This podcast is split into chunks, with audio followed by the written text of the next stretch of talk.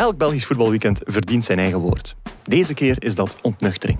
Niet voor u of voor mij, wel voor een aantal clubs voor wie dit weekend een definitieve confrontatie met de realiteit was. Zotte dat merkte dat er problemen veel dieper zitten dan de coach. Antwerp dat besefte dat het voetbal er dit jaar niet mooier op zal worden. Charleroi dat definitief de hoop op een top 4 mag begraven. Of eeuwig zieke standaard dat vrede moet nemen met het feit dat zij als trotse club niet meer waard zijn dan die verduivelde rechterkolom. Dromen zijn bedrog, zong een van zijn sokkel gevallen zanger ooit. Dus beseffen wij ook, grappig of gevat zal dit openingswoordje nooit of te nimmer meer worden. Welkom bij Shotcast.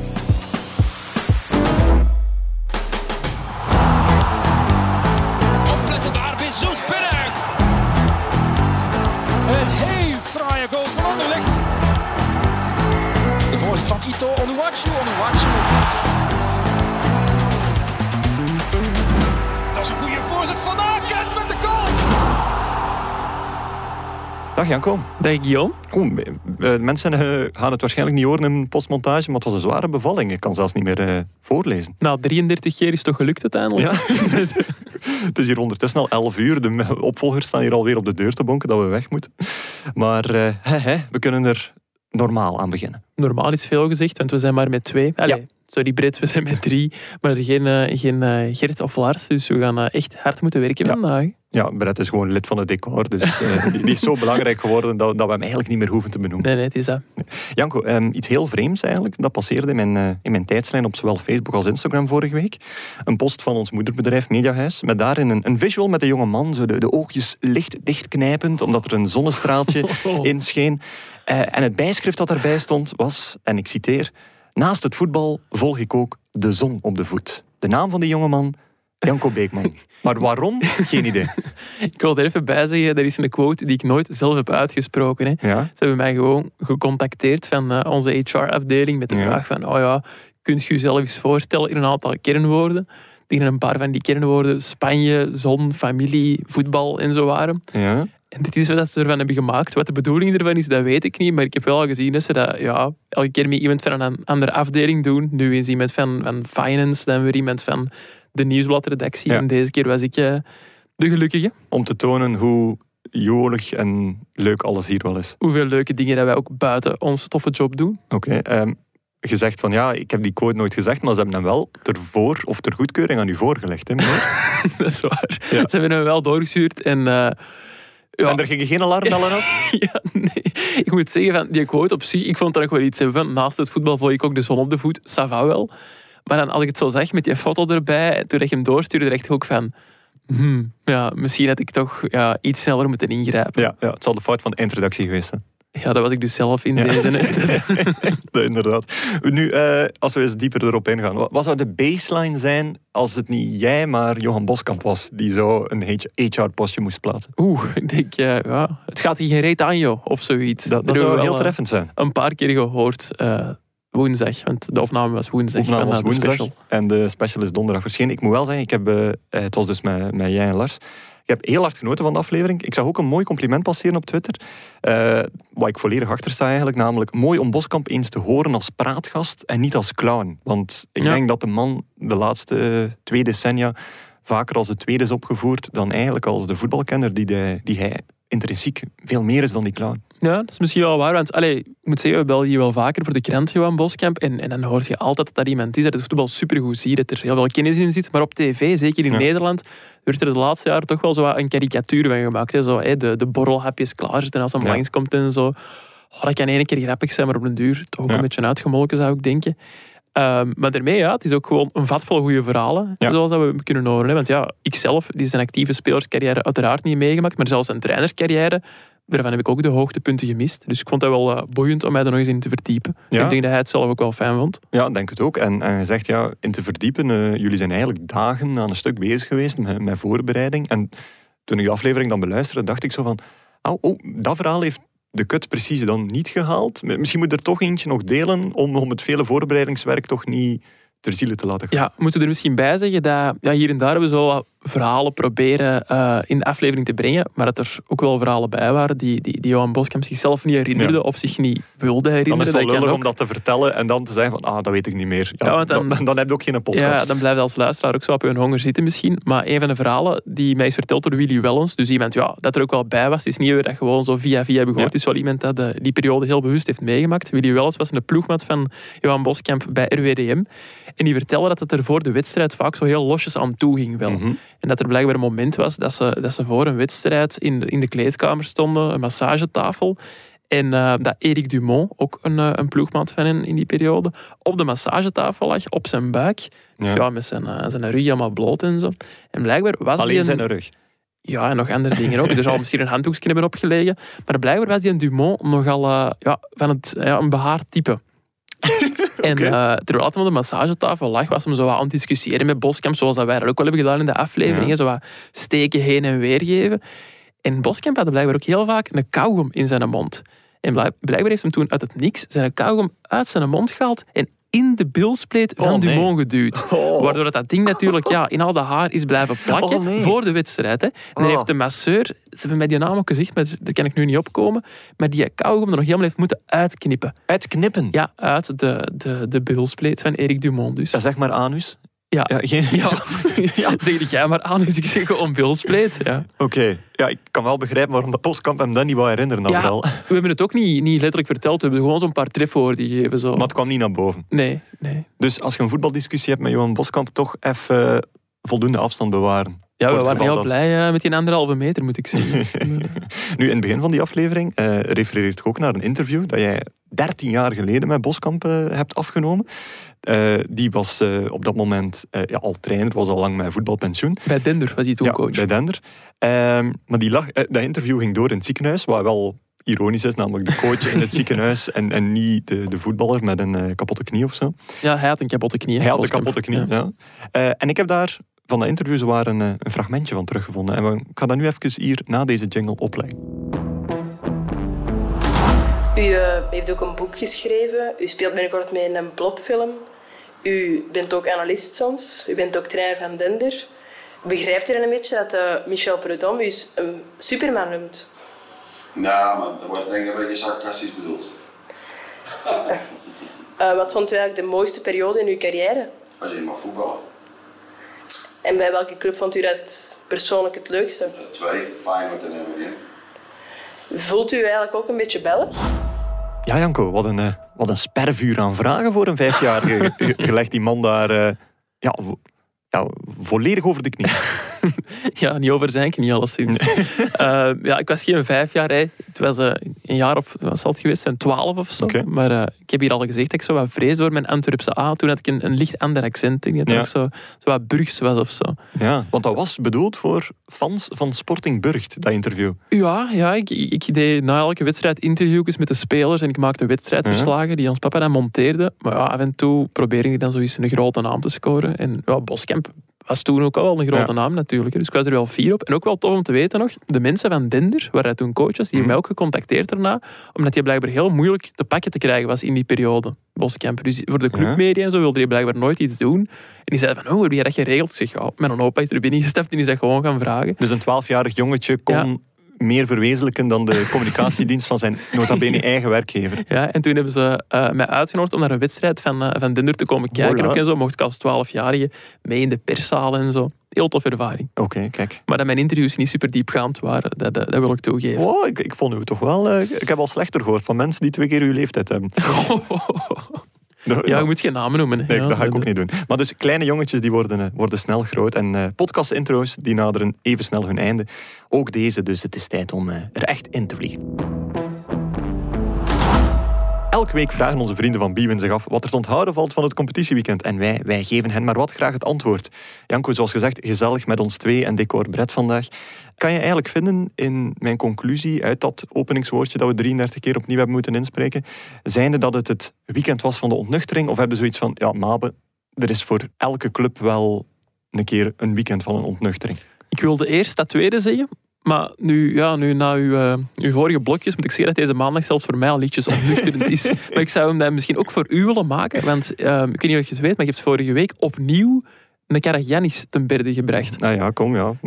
Allee, als je voor iedereen wilt verpesten, doe het dan maar. Ja. Ik ben erop gewezen door uh, luisteraar Hannes Kool. Die stuurde een berichtje alleen naar Lars en naar mij. Zodat u Oh, zeker dat, is echt, zo- dat is echt leuk. Dank u, Hannes. Oh, dat is fijn. zodat u zeker dat we eens vrienden goed, eh, er konden invrijven. Ik wou hier ook al bijna een Karagiannis eh erin gooien. Maar je hebt blijkbaar gezegd dat eh um, Mboyo Mhm. dat hij een, eh, ja, eh, verdacht werd van eh, huishoudelijk geweld. Oh nee. Oh. Maar huishoudelijk geweld, dat, dat zou dan willen zeggen dat je iemand met, met een deegrol op zijn kop klopt of zo.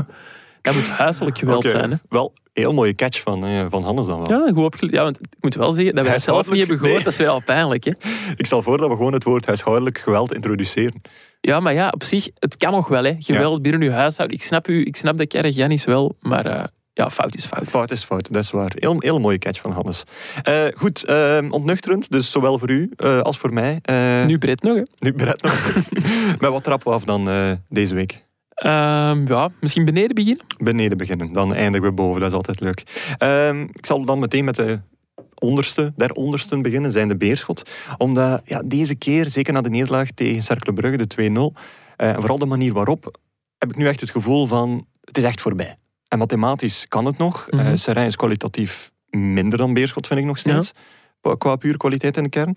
Ehm, het kan echt nog redelijk makkelijk. Je weet maar nooit als er zo'n typische eindsprint is van een... Mm. Ja, maar nee, op papier kan Ja, het ja. redelijk makkelijk. Hè. Je wint drie keer. Allee, dat, dat, Er zijn nog 21 punten te pakken, denk ah, wel, ik. de, de opdracht is, is, is duidelijk. Ehm, maar ik- nu heb ik echt voor de eerste keer het gevoel... Nee, nu gaat het echt niet meer lukken. En Het gaat waarom? niet meer lukken. Ja, omdat... ehm, twee zaken. Eerst heb je zo die, die mentale deceptie die er was bij, bij alles wat Beerschot leeft of ademt. En ehm, ja, want je won tegen Kortrijk. Mhm. En dan nu echt gewoon geen voet aan de grond gekregen tegen Cercle Brugge. En tweede is het vooral echt die manier waarop. Zijn de, ja, het, het spel was, was dramatisch en vooral ze vonden op niks een oplossing. En heel tekenend was het percentage geslaagde passes dat Beerschot had. Moet ik je raden hoeveel dat, dat was? Goh, ehm, is moeilijk, hè? 70 of zo? Nou, 70% is al heel laag, omdat je rekening moet houden Ja. met... We spreken hier niet enkel over Morioka-achtige doorsteekpasjes Nee, nee. van de 10 naar de spits. Gewoon Maar ook gewoon keeper en uw verdediger. verdedigers naar elkaar. Dus daardoor gaat dat normaal eh, stevig de hoogte in. Wel, bij Beerschot was het 58,85 procent. Wat gigantisch dramatisch is. En wat nota bene 12 procent lager lag dan onder vorig laagste record dit seizoen. En dat was dus die 70 procent. Onze watcher ook, Kersten Steurbout, die het Mhm. samen met Koen opvolgt, die eh, had zelfs genoteerd dat voor rust, of, of dat was hem ter oren gekomen, dat het slechts 40% was. Je moet een keer inbeelden dat je een helft voetbal speelt en dat minder dan 1 op 2 van je passes niet aankomt. Ja, ik denk dat je zo zelfs geen matchje teambal kunt winnen. Laat staan een, Oh. een voetbalwedstrijd. Tienbal, hoe lang is het dag geleden dat ik nog een keer aan die sport heb gedacht? Ja, bij deze. Vijf seconden dus. Ja, graag gedaan. Eh, nee, maar dat is echt waanzinnig slecht. En, en ja, het kaderde binnen een reeksje heel slechte statistieken. Zijnde, ze gaven ook maar 209 passes op een Mhm. hele wedstrijd. Gemiddeld geven ze er 350. Eh, ze hadden 32,8% balbezit. Ook niet denderend veel is. En ja, uiteraard gebeurde dit tegen Cercle. Een ploeg die heel hoog druk zet. Eh, een ploeg die ervoor ja, echt probeert te zorgen dat een tegenstander vastzit. Een moeilijke pas moet geven. Mhm. En ja, voor Beerschot was het echt een ontnuchtering van oei, ja, wij, wij, kun- wij kunnen hier zelfs, misschien weten we wat de oplossing is, maar we kunnen het niet uitvoeren. Zo, Ja. Dat was zo'n beetje het gevoel dat ze uitstraalden. En eh, ja, ik leef met hen mee, maar ik denk dat het nu echt voorbij is. Het is gedaan voor u. Ik denk dat het gedaan is voor hem. Oké, ja, jammer voor te horen voor hen dan. hè. Ja, eh, zeker ook omdat, ja, ehm, het is niet dat de andere degradatiekandidaten, wat vaak zo is, want die doen het dan ook even slecht als de degradatiekandidaat zijn, maar het is niet dat zij het Beerschot zo, zo moeilijk maken. Dat Beerschot hier aan het winnen is en, eh, en overwinningen bij de Vleet aan het binnenhalen is. Want al die andere degradatiekandidaten die blijven falen. Serrain, te weinig kwaliteit zoals ik zei. En dan vooral ja, de, de grootste deceptie van dit seizoen, of de absolute tegenvaller, de echte Dark Mhm. Donkey, toch wel Zotte Waregem. Die Ja. derby tegen KV Kortrijk verliest met 5-0 op een manier waarvan je denkt van wauw, pijnlijk. Ja, ja, absoluut. Ik denk dat we Cameron Humphreys, hè, de Engelse verdediger, wel eh, de verpersoonlijking van eh, ja, die pijnlijke Mhm. avond kunnen noemen. Mhm. Dat was de man die eigenlijk al vrij vroeg in de wedstrijd geel pakte. Ja. Dat er eh, een doorgebroken speler werd neergehaald. Ja. Voor mij was dat zelfs al oranje, want die sneed wel echt richting doel. Ik snap dat je daar geen rood voor trekt, maar Ja. gewoon, het was al op het En een randje. andere centraal verdediger die zou Ja, nog... sneed nog... Ja, Ja, ik snap de gele kaart. Ja.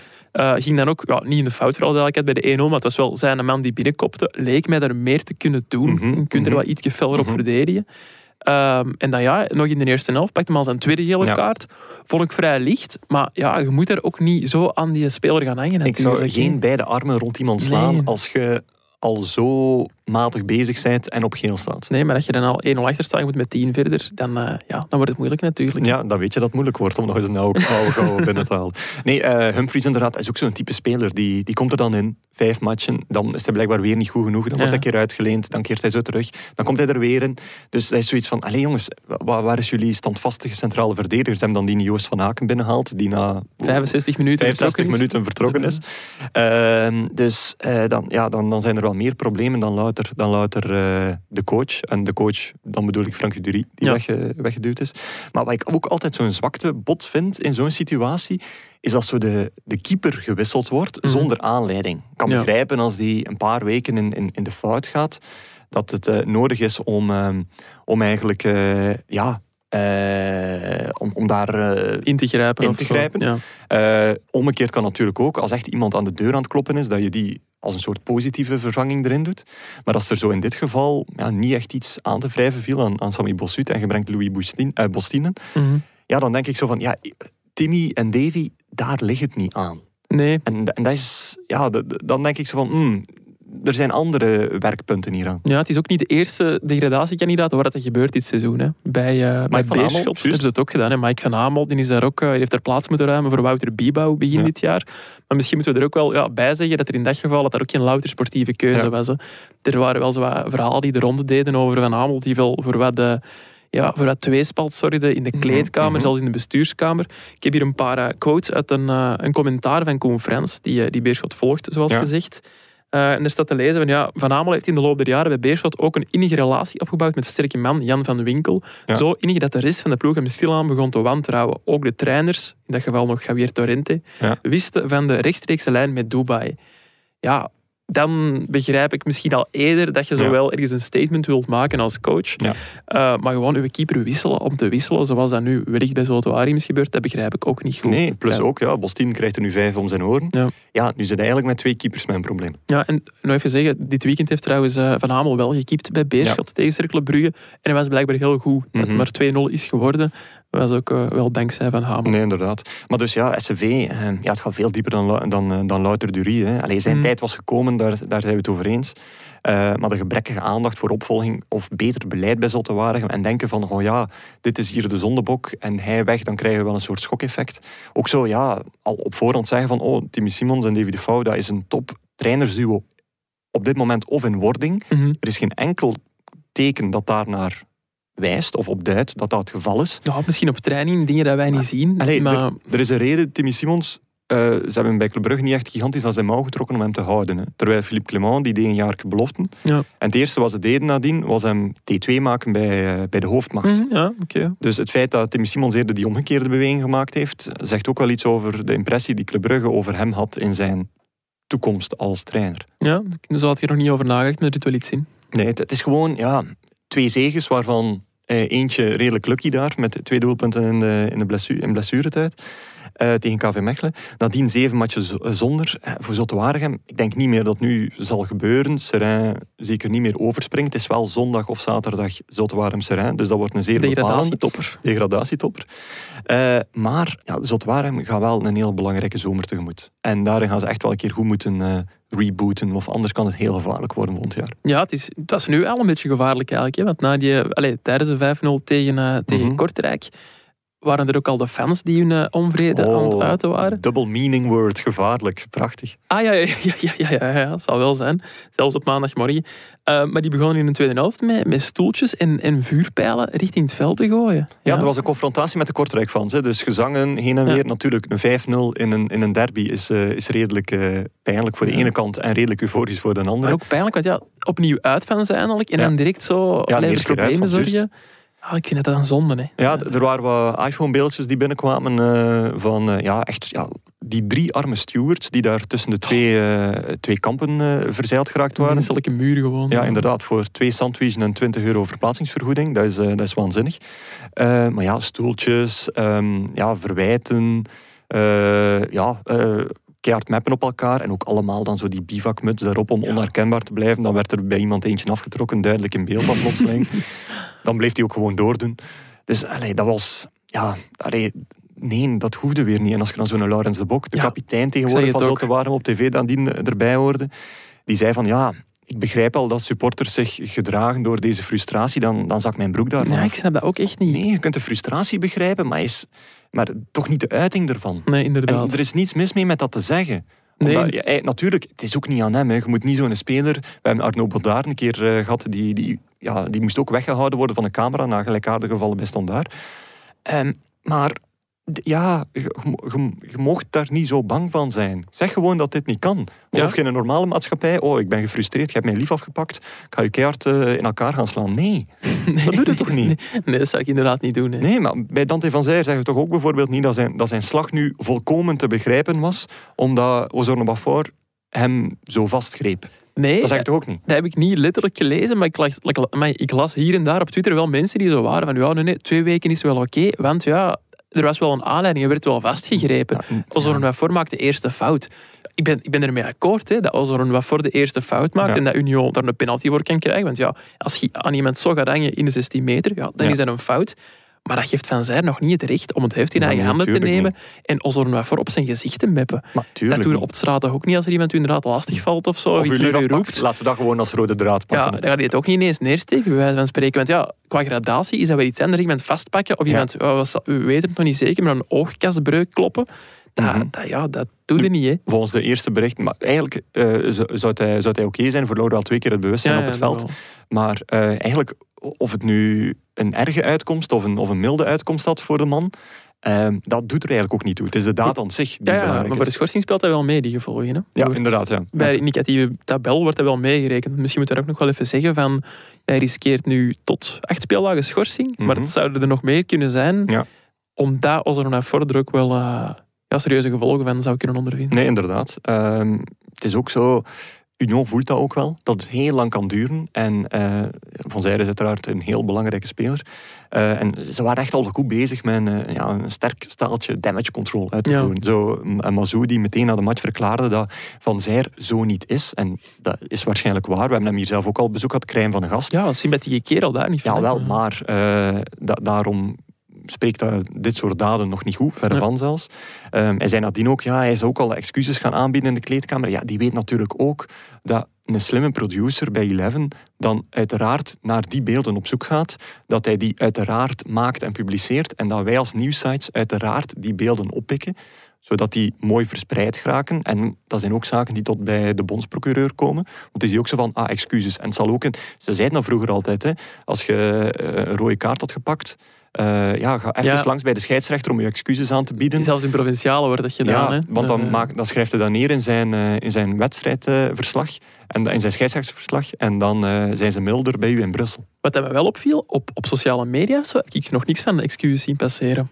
Van, niet van Van Nee. maar ook niet van Union. Dat Nee. vind ik dan weer wel opvallend, want dat is toch het minste even een tweetje van ja, we hopen dat hij het goed stelt en zo. ja, dat zou misschien wel eh, een mooie kunnen vraag zijn. mij dan af, is dat dan ook, speelt dan zo het, het juridische dan al mee? Van we gaan ook niet te hard onze fout toegeven om, om de, de schorsing te beperken? Dat, dat, dat weet ik zo niet. Ik denk dat nu minder, omdat Van Zijr wel publiekelijk zijn excuses gemaakt heeft op beeld. Maar misschien zien ze dat al gewoon als, als iets sterker en was dat voor hen al voldoende. Ja, Maar ja, die damage control, eh, allee, het, het was op verschillende manieren. Mazou, Van Zijr, eh Oendaf, die, die deed het dan op een andere manier, namelijk door het een beetje half te ontkennen. Niet wat er gebeurd is, maar Ja. zei van ja, eh, eigenlijk wat, wat Dante gewoon eh, de arm eh, van, van de Charleroi-verdediger wegduwen. Met zijn vuist. Met zijn vuist. Ja. Dus dat is een normale manier om een arm weg te duwen. Nee, nee. Oendaf die was er allerlei dingen uit zijn botten aan het slaan. Zijnde van, ja, Laforge volgde mij en moest mij geel geven. Hij sprak mij constant aan met Frans, terwijl hij weet dat ik geen Frans spreek. Ja, Laforge spreekt twee talen, denk ik. Zijnde Frans en Nederlands. Luc, Lucky Laforge. Lucky Laforge.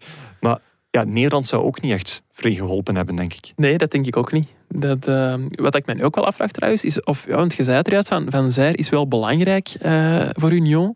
Ze gaan die nu een aantal weken moeten missen waarschijnlijk. En volgende week is ook nog eens eh, Dennis geschorst. Ja. Die heeft zijn vijfde gele kaart gepakt. Ik ben wel benieuwd hoe, dat ze, dat, hoe dat ze dat gaan oplossen nu. Ja, ook omdat ze zijn die situatie niet gewoon. Eh zijn de Oendaf en Van Zijr is niet enkel een koningskoppel qua, qua speelstijl of qua statistieken. Mhm. maar ook gewoon qua speeltijd. Ja. Zij, zij zijn altijd samen, naast het veld, maar ook op het veld. Ze zijn aan elke competitiematch samen in de basis begonnen.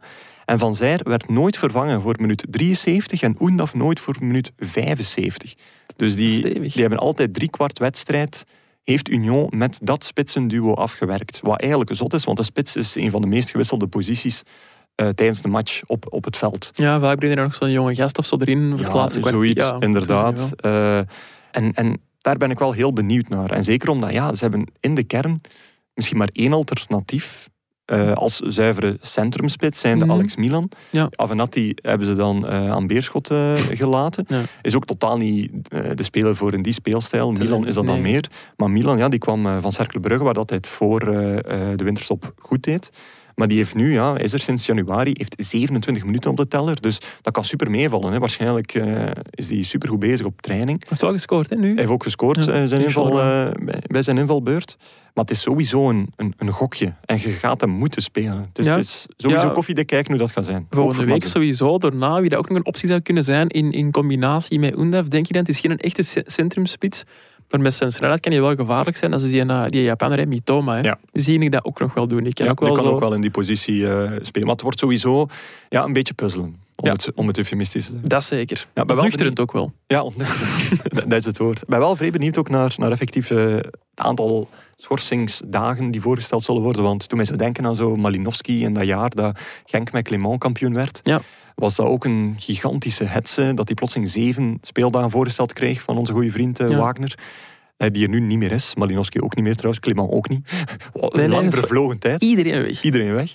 En dat heeft ook toen echt zo die titelstrijd echt heel hard gedomineerd. En dit is eigenlijk gelijkaardig. Wat ik nu ook wel veel lees, is de vergelijking met de schorsing van Hans van Aken. Hè, voor zijn, eh zijn kutrefs-uitspraak. Die heeft er toen vier speeldagen voor gekregen. Ja, dat kan Ja, wel. als je dan nu ook van Zer vier speeldagen geeft voor een vuistslag. Ja, ik snap dan ergens ook wel dat dat wringt in sommige hoofden. Ja, maar het punt is, hoe ver trekt je zo terug? Je kunt zo teruggaan tot Wasilewski Witsel bijvoorbeeld. Ja, ja, maar dat is. Dus ja, het punt is, ik, ze moeten daar gewoon een keer eh, een, een vaste lijn zetten en zeggen vanaf nu stop met te vergelijken met vroeger. Dit is onze Ja, nieuwe er is een indicatieve tabel. Met die indicatieve tabel. Dus, Dus, maar, zwart, ik ben vrij benieuwd wat het zou zijn.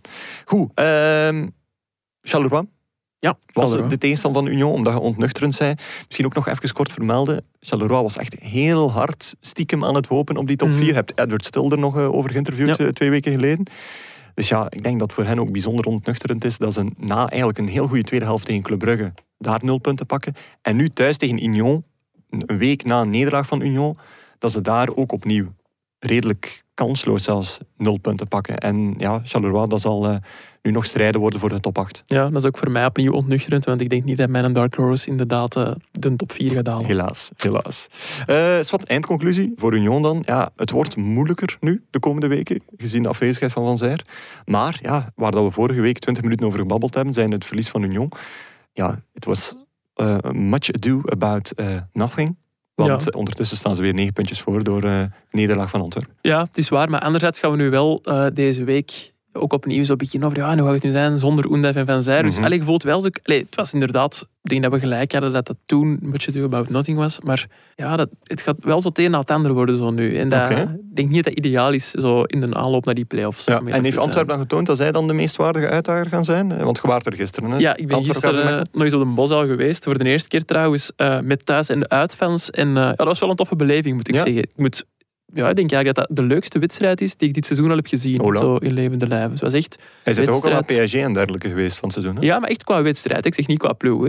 Qua wedstrijd ging supergoed op en af. Echt een heel hoog tempo. Kansen aan beide kanten. Mhm. Uiteindelijk KV Mechelen dat met 1-2 won. Moeten we er misschien bij zeggen in een voetbalpodcast. Ja. Maar waar ik ook wel van genoten heb, dat waren de supporters. Want ik zei het net, ehm, er waren thuis- en uitfans. En dat zorgt toch altijd voor een iets andere dynamiek. Hè, Ja. Dan zo alleen thuisfans die een hele wedstrijd gewoon kunnen roepen en zingen wat ze willen.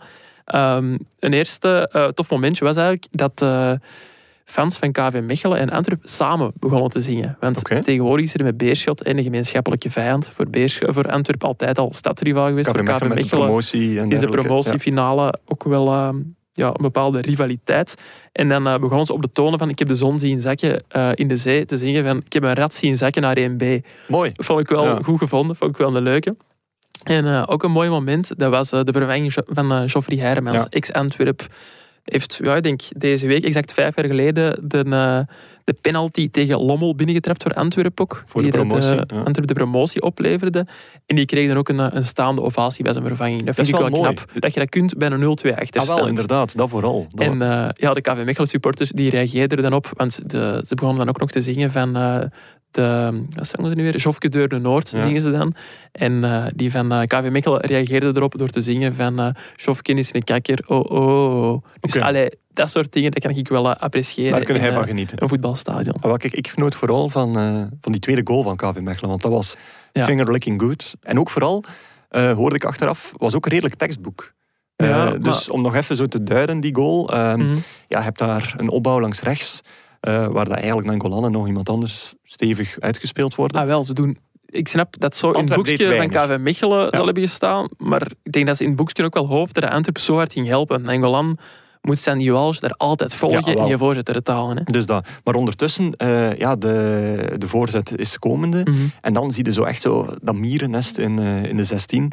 Met Kuipers, met Storm, en zeker Mhm. ook Merabti, die zo ehm, echt zo de goede voorloopacties doen. Weet je nog, als je zo vroeger een passingsoefening had eh, bij de jeugd, dat een trainer nooit zegt van, ja nee, eh hebt hier een verdediger, niet gewoon naar de bal komen, maar Ja. eerst ga ik in aan de andere kant. Weglopen van uw Weglopen potje. en heb dan met een micro. Zo echt, weglopen van de micro, Johan Boskamp-stijl. Ehm, en dat was heel erg... Ja, dit was voor elke jeugdvoetballer die denkt van... Hmm, tja, wat is het nut hiervan? Was dit, dit doelpunt eigenlijk een perfect voorbeeld van... Daarom moeten we dat, dat, dat Ja. doen. En ook, ehm ja, KV Mechelen heeft daar dus blijkbaar letterlijk op getraind. En eigenlijk loopt het een klein beetje fout. Ondanks het feit dat het zo perfect loopt. Omdat er was zoveel ruimte gecreëerd door Antwerp... dat het eigenlijk de taak was voor Storm om richting penaltypunt terug te keren. Ah, Eh. En hij duikt omdat hij ziet van, oh, ehm, ik denk dat Fines was, eh, die gaan mee eigenlijk met mij. Nee, nee, nee, het was Jelle Bataille. Het was Bataille, sorry. Ja, de bank. ja, die slaat erin gevallen zeker. Eh, ja, Ja. vijf minuten voor tijd. Ah, wel, Bataille. Eh, en die merkte van, "Oeh, ja, ik heb hier eigenlijk wel die, die snelheid nu, dus ik kan eigenlijk in die zone opduiken. Terwijl er al een ploegmaat aan de tweede paal stond. Dus eigenlijk stond ze daar bij KV Mechelen met twee om binnen te tikken.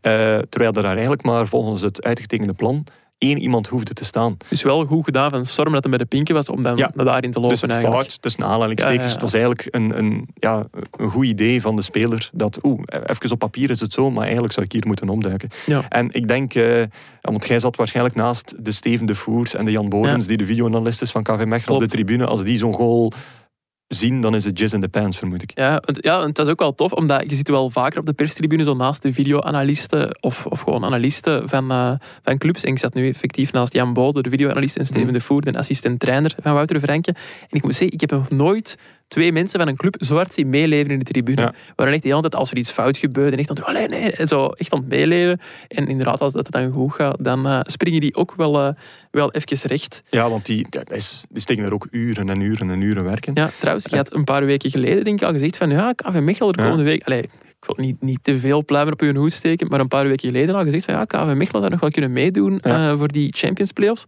Gaan, gaan ze het halen, denk je? Het punt is van ja, die, die inhaalmatch tegen Genk Mhm. en vooral de, de drieste tackle van, van Thibaut Peire, die het Ja. ook meteen wist. En ondanks dat hij nog minuten moest wachten op de VAR.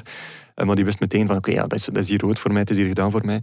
Dat is echt heel jammer voor hen. Als ze daar een puntje zouden halen, dan was het wel makkelijker geweest. En ja, ze hebben nu nog die case met OHL, waar Ja, dat ondertussen nog helemaal koffiedik kijken is. Eh, je zou denken, ja, ehm, een ploeg die niet opdaagt, die verliest altijd, maar je hebt dan dat coronamateriaal, reglement dat volledig eh, alles in, het, in de war stuurde.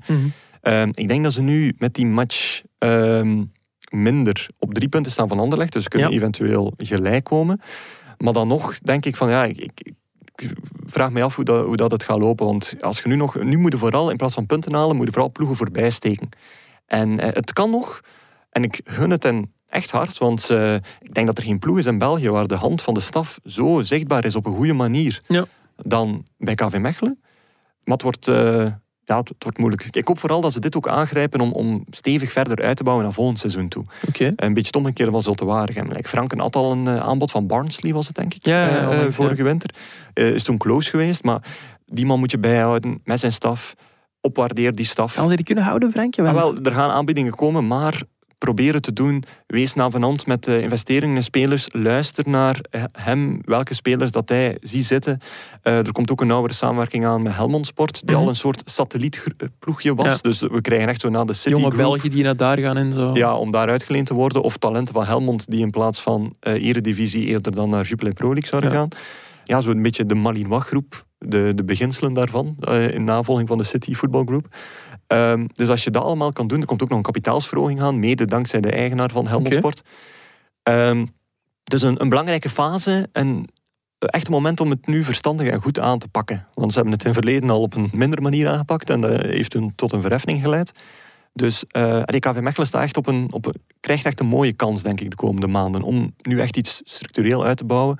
En je moet er volledig voor gaan om die structuur die nu al er is, te behouden. Oké, dan wordt het eh, boeiend om te volgen. Sowieso. Ehm, misschien nog even terugkeren naar de fans, want ik had het er juist over die van Antwerpen, die wel eh, een goede indruk maakten Mhm. op mij, en ook die van KV Mechelen trouwens. Maar er waren er ook die een minder goede beurt maakten na die van eh, KV Kortrijk. Allee, die van Zulte Waregem eigenlijk vooral, en die Ja. van KV Kortrijk.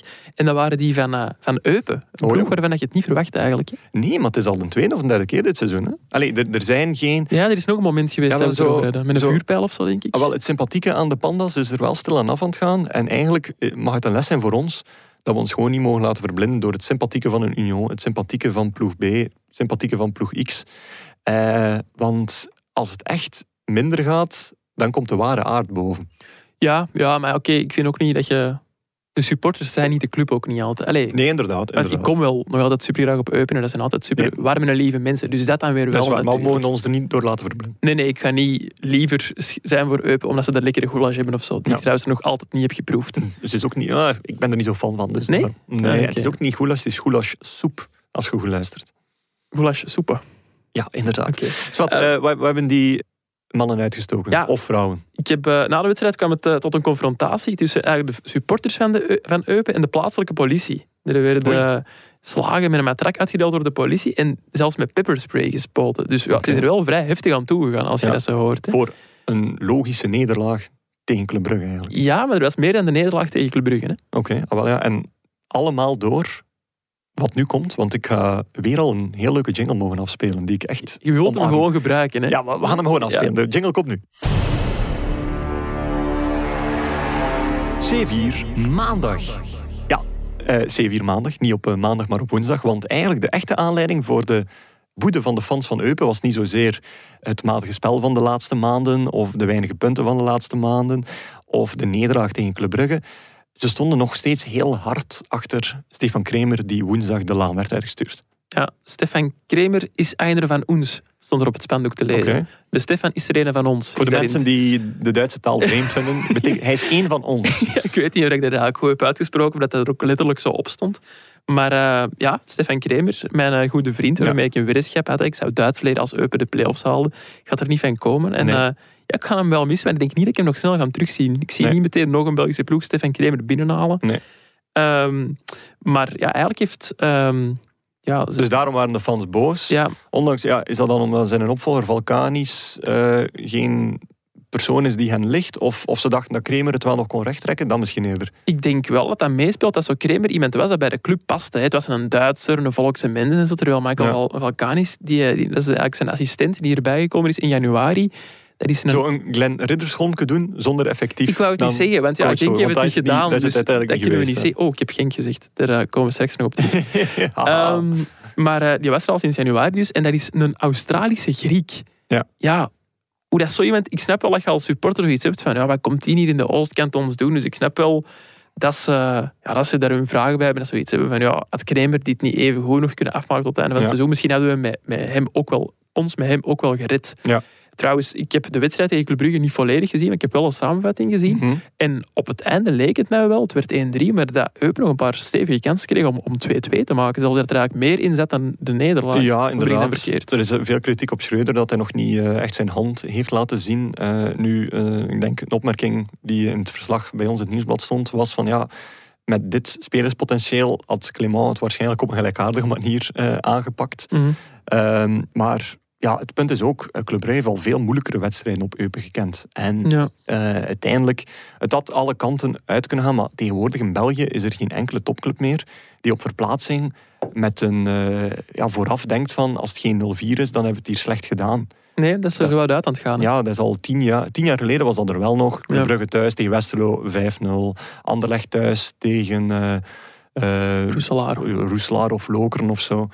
Ik denk zo de eerste keer dat dat zo echt zo een eh, opgef was, was toen eh, Lokeren met Hans van Aken daar kwam winnen op Anderlecht. de 2-3 debuut van zeker. Van Aken was dat, Van denk ik. Aken, hè. twee goals. Ja.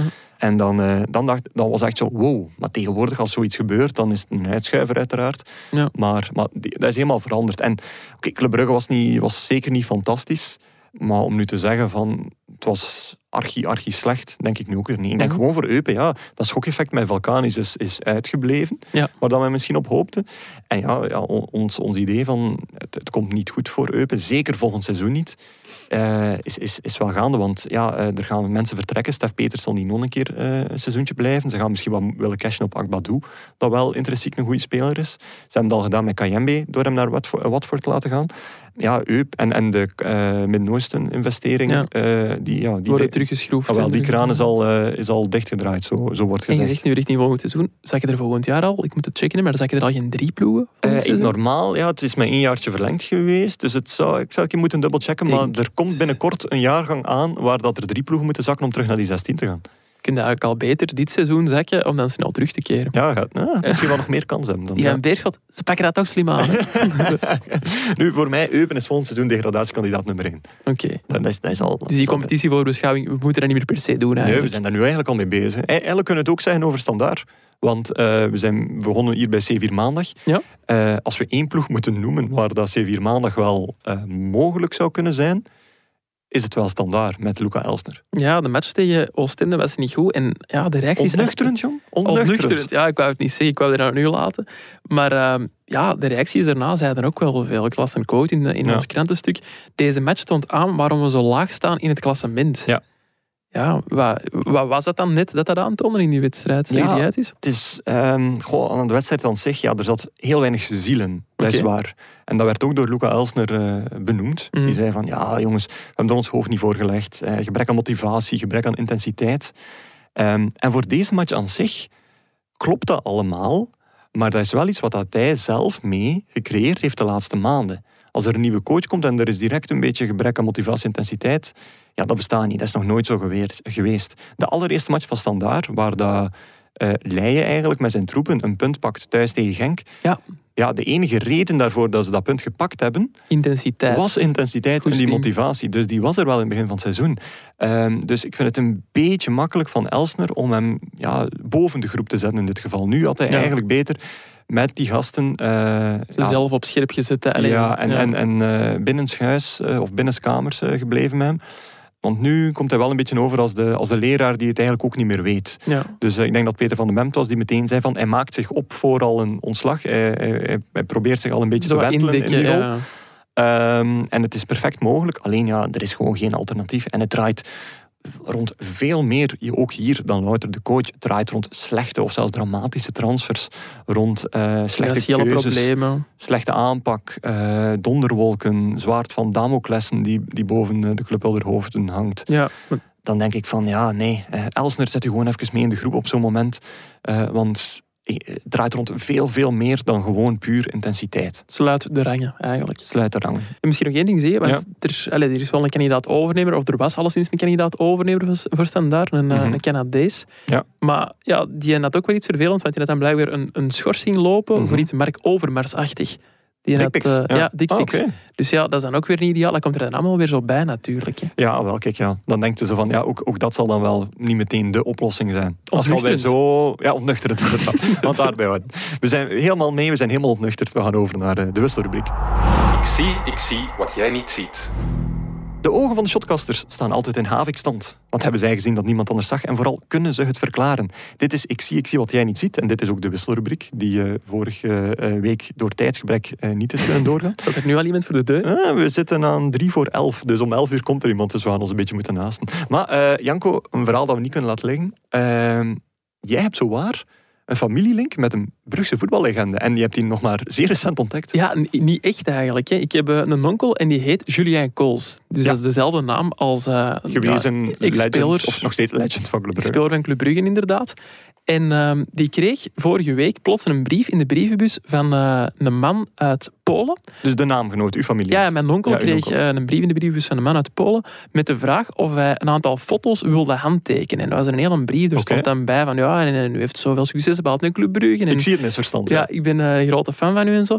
Waarop dat mijn onkel zegt van, allee, tegen mij van, ja, ik ben dat niet. hè. Ik zeg, nee, nee, dat klopt. Je bent, Julian Kools, maar niet die Julian Kools. dus eh, ja, het werd dan al snel duidelijk over wie dat wel ging. En ik heb eh, nu via, ik heb denk aan Frankie van der Els had ik het onder meer gevraagd, dat hij mij in contact kon brengen met een echte Julian Kools. Ja. Ik ga die deze week eh eens bellen met de vraag of ik daar mag langskomen met mijn onkel en met een brief En met een brief. Hè. zodat hij de foto's kan handtekenen. En ga ik die terugsturen naar onze vriend in Polen. En dan hebben wij die mensen plezier gedaan. En misschien ineens ook een leuk verhaal voor de krant of zo. Ja, ja De- de- ook. En, en het is leuk dat je dat zegt, want zo Oost-Europa, dat, dat zit vol met zo van die handtekeningjagers. Want Ja, ik weet nog, blijkbaar. toen ik met eh agent naar... eh, eh, waar speelden zij nu ook alweer? In, het was niet in Alexandria zelf. Ja, eh, Oekraïne ergens. het was ergens in Oekraïne. Mm. Maar het was niet in Alexandria zelf, omdat dat oostelijk lag. En met de dreiging... Luhansk of zo. Ja, nee, nee, Luhansk is, Luhansk is redelijk oostelijk. Ja, ik weet niet, het was ook niet Ja. zelf in Kiev. Eh, maar, ehm, ah, Lviv was het, denk ik. Hmm. Ja, Lviv zal het geweest zijn. Ehm, dat terzijde. Ja. Maar, maar eh, dan weet ik ook nog dat wij daar op de luchthaven zowel toekwamen als vertrokken.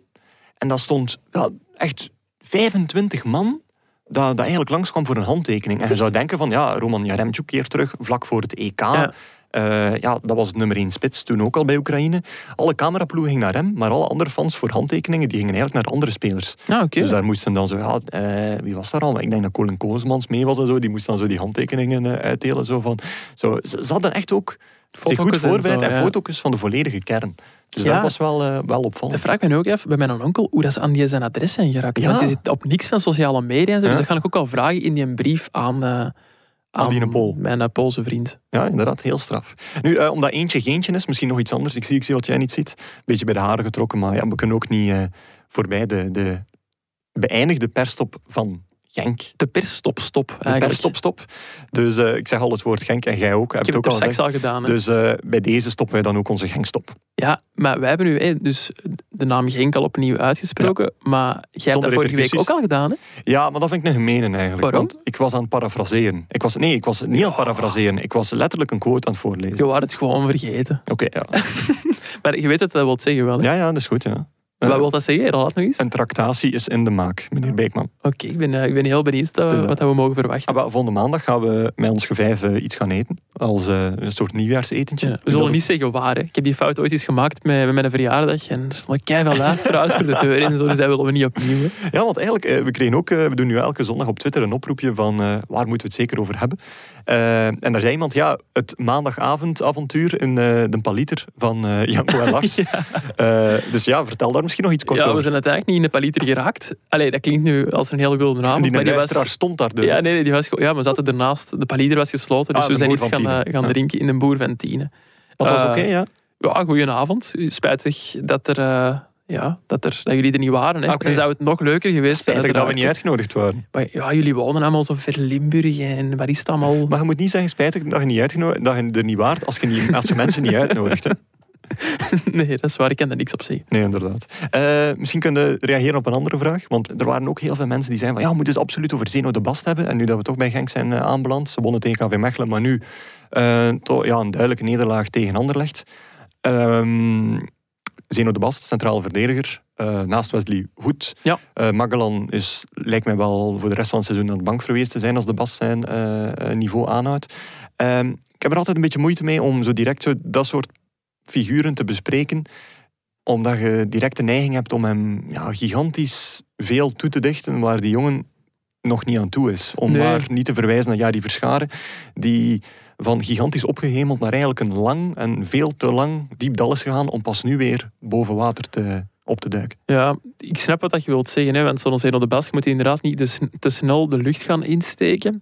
Maar ik begrijp wel dat je hem zet nu, compagnie zijnde. Dat want, Ja, de Anderlecht was zo vrij moeilijk aan het jaar begonnen eigenlijk. En Company speelde al heel lang met diezelfde ploeg, waarmee Mhm, het eigenlijk in de, in de heenronde vrij goed draaide. Maar hij heeft nu eigenlijk twee wijzigingen doorgevoerd aan zijn basisploeg. Met hè, Lisandro Magayan te vervangen door Zeno de Bas. En het middenveld Christopher Olsen door Majid Ashimero. En ik vind dat wel twee logische wissels, want Oké, we gaan de Bast nog niet de nieuwe company noemen voor alle duidelijkheid. Is maar je ziet wel dat hij betere voeten heeft dan Magallaan, die dat toch telkens een foutje maakte. Pas op, de Bast heeft er ook alleen gemaakt. En vooral, die ploeg was aan het wachten altijd op dat foutje. Zoals Ja. bij Agent. Een Gadeu was ook altijd zo, wanneer gaat hij zijn momentje hebben? En als dat na 12 minuten gebeurde, dan had, had iedereen ook zoiets van, oef, het is voorbij. En als je daar zo als ploeg daarop wacht, is dat wel een heel stekelig gevoel. Maar bij de Bast heb je dat dus minder. Ik vind dat hij echt wel goede voeten heeft. Ehm, ik denk bij een 2-0 was het. Die vertrekt ook bij hem met een hele Mhm, goede inspeelpaas van achteruit. Ja, dat zag je bij zo'n Magajan toch minder. En ook ja, Ja. voor een gast van 18 jaar, Paul Onuachu uit de match houden, moet het toch ook maar nee, kunnen. nee. hè? Allee, wel de lof is op dit moment terecht. Alleen moeten we het toekomstperspectief voor zijn eigen eh, gevoel en voor zijn eigen toekomst eh, nog niet groter maken dan dat het misschien wel kan nee, zijn. Nee, nee, hij moet zelf bevestigen eerst gewoon. Dat is allemaal een beetje voorspellend op dit moment. En over Ashimere, over die wisselaar nog, had je eigenlijk meer over heel de ploeg van Anderlecht. Wat, dat je, wat dat de kritiek was dat, dat Anderlecht vroeger wel eens kreeg, was vaak zo op de counter in de omschakeling. Dat, dat er zo weinig... is eigenlijk. Nee, nee, met er zo weinig goesting achter zat Ah, ja. Dat er zo heel weinig spelers meegingen. En, en dat, dat ze dan met twee of drie die counter moesten proberen, proberen uitspelen, wat dat heel moeilijk is. Maar gisteren tegen Genk in de tweede helft stonden ze voor. hè, Dus konden ze iets afwachtender gaan spelen. En viel het mij echt op in de counter met hoeveel dat ze elke Ja. keer meegingen. En daar helpt zo'n Ashimero ook wel bij. Ik heb er lang zo een bois-bois gevoel bij gehad. Het was Ja. nooit, nooit slecht, maar ook nooit super. Maar het is wel iemand met drang naar voren. Ja. En dat zie je ook bij die eerste goal. Het is niet toevallig dat hij degene is dat de rebound op die, op die, op die kans van Kouame binnenduwt. Hè. nee, hij nee. staat er wel. Het is het- meer een box-to-box speler om een, een, eh, een woord uit een, lang, uit een ver verleden nog eens te gebruiken. Ja, geïntroduceerd in. België door Anderlecht met Jan Polak. Ja, Jan Polak, dat was eh, een echte box-to-box. Maar zo'n type als heb je wel nodig als je toch met twee centrale middenvelders wilt Ja. spelen. Terwijl de hele wereld altijd drie man daar probeert eh, in te steken. Als je dat wilt vasthouden, dat concept. En, ja, natuurlijk, Verscharen en Refailov komen constant naar binnen. Hè, maar Ja, in verdediging is dat iets anders. Eh, dan heb je wel meer een loper nodig in de Ja. vorm van Ashimero, die tegelijk ook wel een stukje kan ballen. Als Ja, natuurlijk. Die kan voetballen, dus, hè, eh, dat- inderdaad, dat is duidelijk. Ehm, nog iets over Verscharen? Eh, of iets anders van de match? Ja, Verscharen, ja, nummer 10. En hij speelt een goede match, ja, maar we moeten daar meer over zeggen. Ja, ik wou alleen ook zeggen, Op links deze keer wel. Hè. ik vind het leuk voor hem zo van, hey, dat is leuk, hè, dat, is- dat geeft vertrouwen dat je het nummer 10 krijgt. Maar ik vind dat zo raar om dat in het midden van het seizoen te doen. Mhm. Doe, doe gewoon in de zomer, snap ik, dat er nieuwe spelers komen, dat je wat gaat herschikken. Even raar als je keeper zonder reden wisselt. Ja, maar dat je dan gaat herschikken met je rugnummers, dat begrijp ik dan wel. Maar zo in het midden van het seizoen, Ja. pakt nu goed uit, want hij speelt een goede wedstrijd. Maar dat brengt ook wel een bepaalde druk met zich mee, denk Is ik dat, dan. ja. Ja, Waarom moet je dat doen? Ja, ik denk nu wel dat dat niet zoiets is als dat hij 's ochtends in de kleedkamer is toegekomen en dat hem gezegd werd, eh, Jari, vandaag of vanaf vandaag met nummer 10. Nee, ja. Het is ook gewoon, ja, dat behoorde aan Vlap. Ehm, het- Vlap het is was er vrij even- natuurlijk, Het was vrij, wel. hij was er al even niet. Dus eh, het is duidelijk wel iets waar dat hij van geniet, of genoot, denk ik, toen hij dat, hij dat kreeg. Want eh, direct een fotoshoot erbij en hij werd opgevoerd in de media. Ja. Dus het was wel een mooie, gestructureerde campagne. Ja, ja, het was duidelijk eh, dat dat niet zo voor de wedstrijd ineens beslist was. van, Zeg, ik pak anders die team vandaag, die is nog vrij. Dat is dan vrij. Eigenlijk hangt dat om de twee weken gewoon. In het park hangt dat daar gewoon. En, en niemand durft dat te pakken. En Jari is gewoon de eerste die dat durft pa- vastpakken. Nu is Chal is er nu toch niet bij. Inderdaad. Ehm, nog iets over die wedstrijd? Of, eh, Nog één ding, want Ja. sorry, Ehm, de rode kaart die, die Genk nog kreeg. op het einde. had eigenlijk ja. ja. nog weinig invloed op de wedstrijd, want eh, het stond toen al 2-0 veranderd ligt. Ja. Maar ik vond het vooral raar, want eh, dus misschien even de fase be- be- Mhm, beschrijven. Hij probeert daar ter hoogte van de cornervlag ongeveer de bal te ontfutselen, zo tussen de benen, denk ik, van, Ja. van Christian Kouamé. En hij komt erbij terecht op, eh, op de kuit van Kouamé. En ik hoorde dan Wesley Sonken, als er in Zeimana op 11 zo wat discussiëren, als er in Zeimana vond het wel rood, Song Mhm. bleef zeggen, ja, nee, nee, want het was niet de bedoeling, het was Ja. niet de bedoeling om, om te Ik tackelen zou of hem niet zo. geven. Ik zou ze. er geen rode kaart voor geven. Terwijl ik dacht van, ja, ik snap de uitleg van Sonk wel, maar op het moment dat Arteaga met zijn voet op de kuit van Kouamé terechtkomt, lijkt hij mij zelfs nog eens door te duwen. Ja, Niet om zijn been te berekenen, maar wel, je kunt je nog wegtrekken, ook denk ik op zo'n moment. Ja, maar los van dat eventueel doorduwen of niet. eh, ja, het is gewoon altijd rood. En ehm, dat komt gewoon omdat de regels daar heel duidelijk in Mhm. zijn. Namelijk als jij je eh, voet niet plat op de grond zet, maar al een beetje helt en eh, je komt hoger dan de, de voet, dus vanaf de enkel terecht bij een speler, is het redelijk duidelijk volgens de regels dat dit rood is. Ja. En ik hoor daar dan dat daar, daar intentie en dergelijke bij, bij komt. Ja, ehm, dat heeft daar niets mee te maken. Dat is net hetzelfde als alsof ik hier plotseling niet mijn handen schoon bij mij zou houden, maar mijn handen hier in twee vuisten rond mij zou doen. En ik draai eens en ik heb u per, per ongeluk in uw oog mee. dan heb ik ook niet de bedoeling gehad om uw ogen, om uw ogen uit te slaan. Nee, maar, ik krijg wel rood. Ja, Ah, wel rood krijgen ook. Gaat dan nog een keer naar HR aan voor een, eh, voor een postje. ja, ik zal... Ik verdien dan wel rood, want ik breng uw fysieke integriteit in gevaar. En Ja. dus, allee, ik begrijp dat, dat Song zoiets zegt, maar dan moet het hem, allee, zo maakt het wat moeilijker voor de mensen om te volgen. Je moet dan eerder zeggen van, volgens de regels is dit correct, maar ik pleit voor een andere invoering of een ander, een ander reglement op dit vlak. Ja, maar dat wordt dan hier gezegd en straks in extra time waarschijnlijk. Dus dan zijn de mensen ook weer al mee. Wel, het was 100% rood. En als je zegt van, voor mij niet, dan moet je een regelwijziging doorvoeren. Een gele briefkaart naar de FIFA-st. Een gele, rode briefkaart naar Ja, de FIFA. dat kan ook. Dat zou, dat zou geweldig zijn. Nu, eh, nog één ding voor alleen dan onze afsluiter gaan. eh, omdat we daar bezig waren over tractaties en dergelijke. Ehm, ja, ik zal dus jullie tracteren eh, komende maandag. Aperitiefje. Je kunt al een keer nadenken over wat dat. Rumkolakje. Goed. Als een baas trakteert, dan mag je dat wat kosten. Hè. Ja, nee, goed, ja. Oké. Eh, maar de luisteraars die durven ons ook wel eens te tracteren. Want eh, in een poging om Lars van de Duvel af te helpen, heeft eh, Jordi Bruinseels, een trouwe luisteraar, heeft hij onze twaalf biertjes opgestuurd. Niet zomaar twaalf biertjes, want er zat wel ook een, een beetje een PR-mechanisme achter.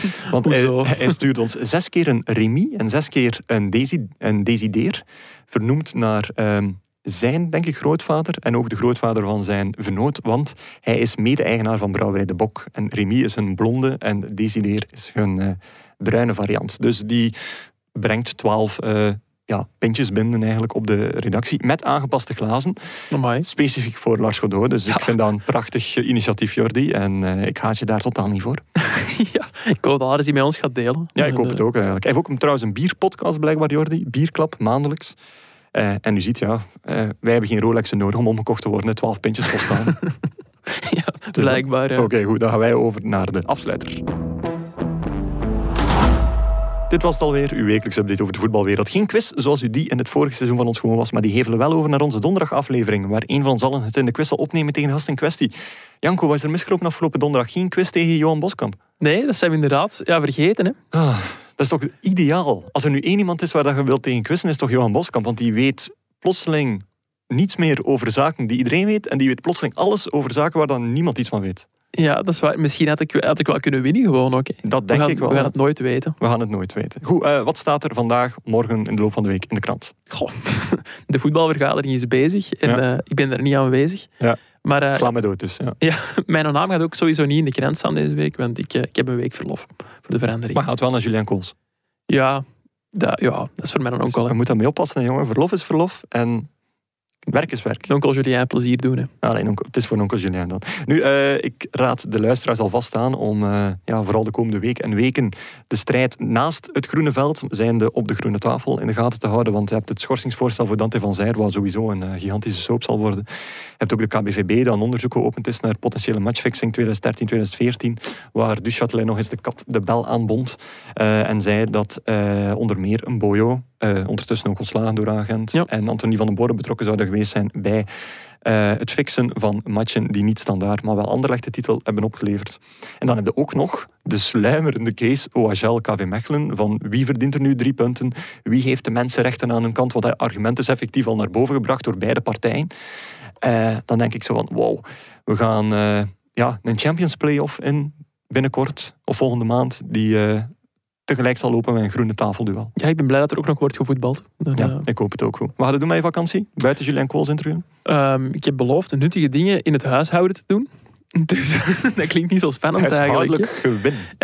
ja, ik ga huishoudelijk mijn, mijn bijdrage leveren. En voor de rest, ja, veel lezen en eh, over voetbal in de krant lezen en wat inspiratie proberen op te doen. Ik ga niet weg of zo. Ik, blijf, eh, ik heb nog even geprobeerd om, om naar Lissabon te gaan, Ja. om naar Benfica Ajax te gaan. Oké. Ehm, maar dat is niet gelukt. Dus het zou gewoon België worden. Eh, Het was een mooi probeersel. Eh, misschien ook nog zijn, Lars is ook op dit moment op eh, reis. En dat zien we aan de Shotcast WhatsApp groep. Waar Ja. dat om, om kwart voor tien 's ochtends een eh pin bier op Zaventem in verschijnt. en dan denk ik van, ja, dit moet wel Lars zijn. dat heb ik nog niet gezien. Maar ja, dat zullen ze niet graag horen bij Brouwerij de Bokken. Nee, inderdaad. inderdaad. Klopt. Goed. Eh, wie mijn score mist en zich toch graag waagt aan een gratis prono met vrienden, kan nog steeds terecht bij bchamp.biewen.be. Uitgeven door onze vrienden van Biewen, de exclusive bettingpartner van de Pro League, de Europa League en de Conference League. Wat sponsoren die mannen niet? Wat sponsoren die mannen niet? Dat klopt, ja. Alles, alles passeert daar. Mocht jij wekelijks op maandag en op donderdag crap verkopen, dan nog word jij gesponsord. Goed, dit was het voor vandaag. Mensen, geniet nog na van het afgelopen weekend. Geniet van deze aflevering, geniet van de special met Johan Boskamp. Die blijft eeuwig online staan. En tot volgende week.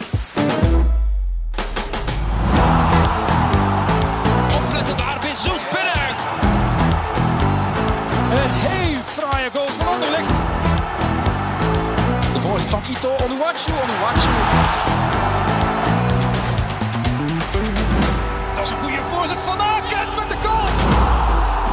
Zin in nog een shotcast? Beluister dan onze Actua-afleveringen op maandag of onze interviews met spraakmakende gasten in onze afleveringen op donderdag. Bij het Nieuwsblad kan u ook nog terecht bij onze wielerpodcast Koers is van ons, onze politieke Actua-podcast Het Punt van Van Impe of onze crimi-podcast De Stemmen van Assise. Ook Slimmer Leven en ons magazine Billy kan u niet alleen lezen, maar ook beluisteren. Tot een volgende keer.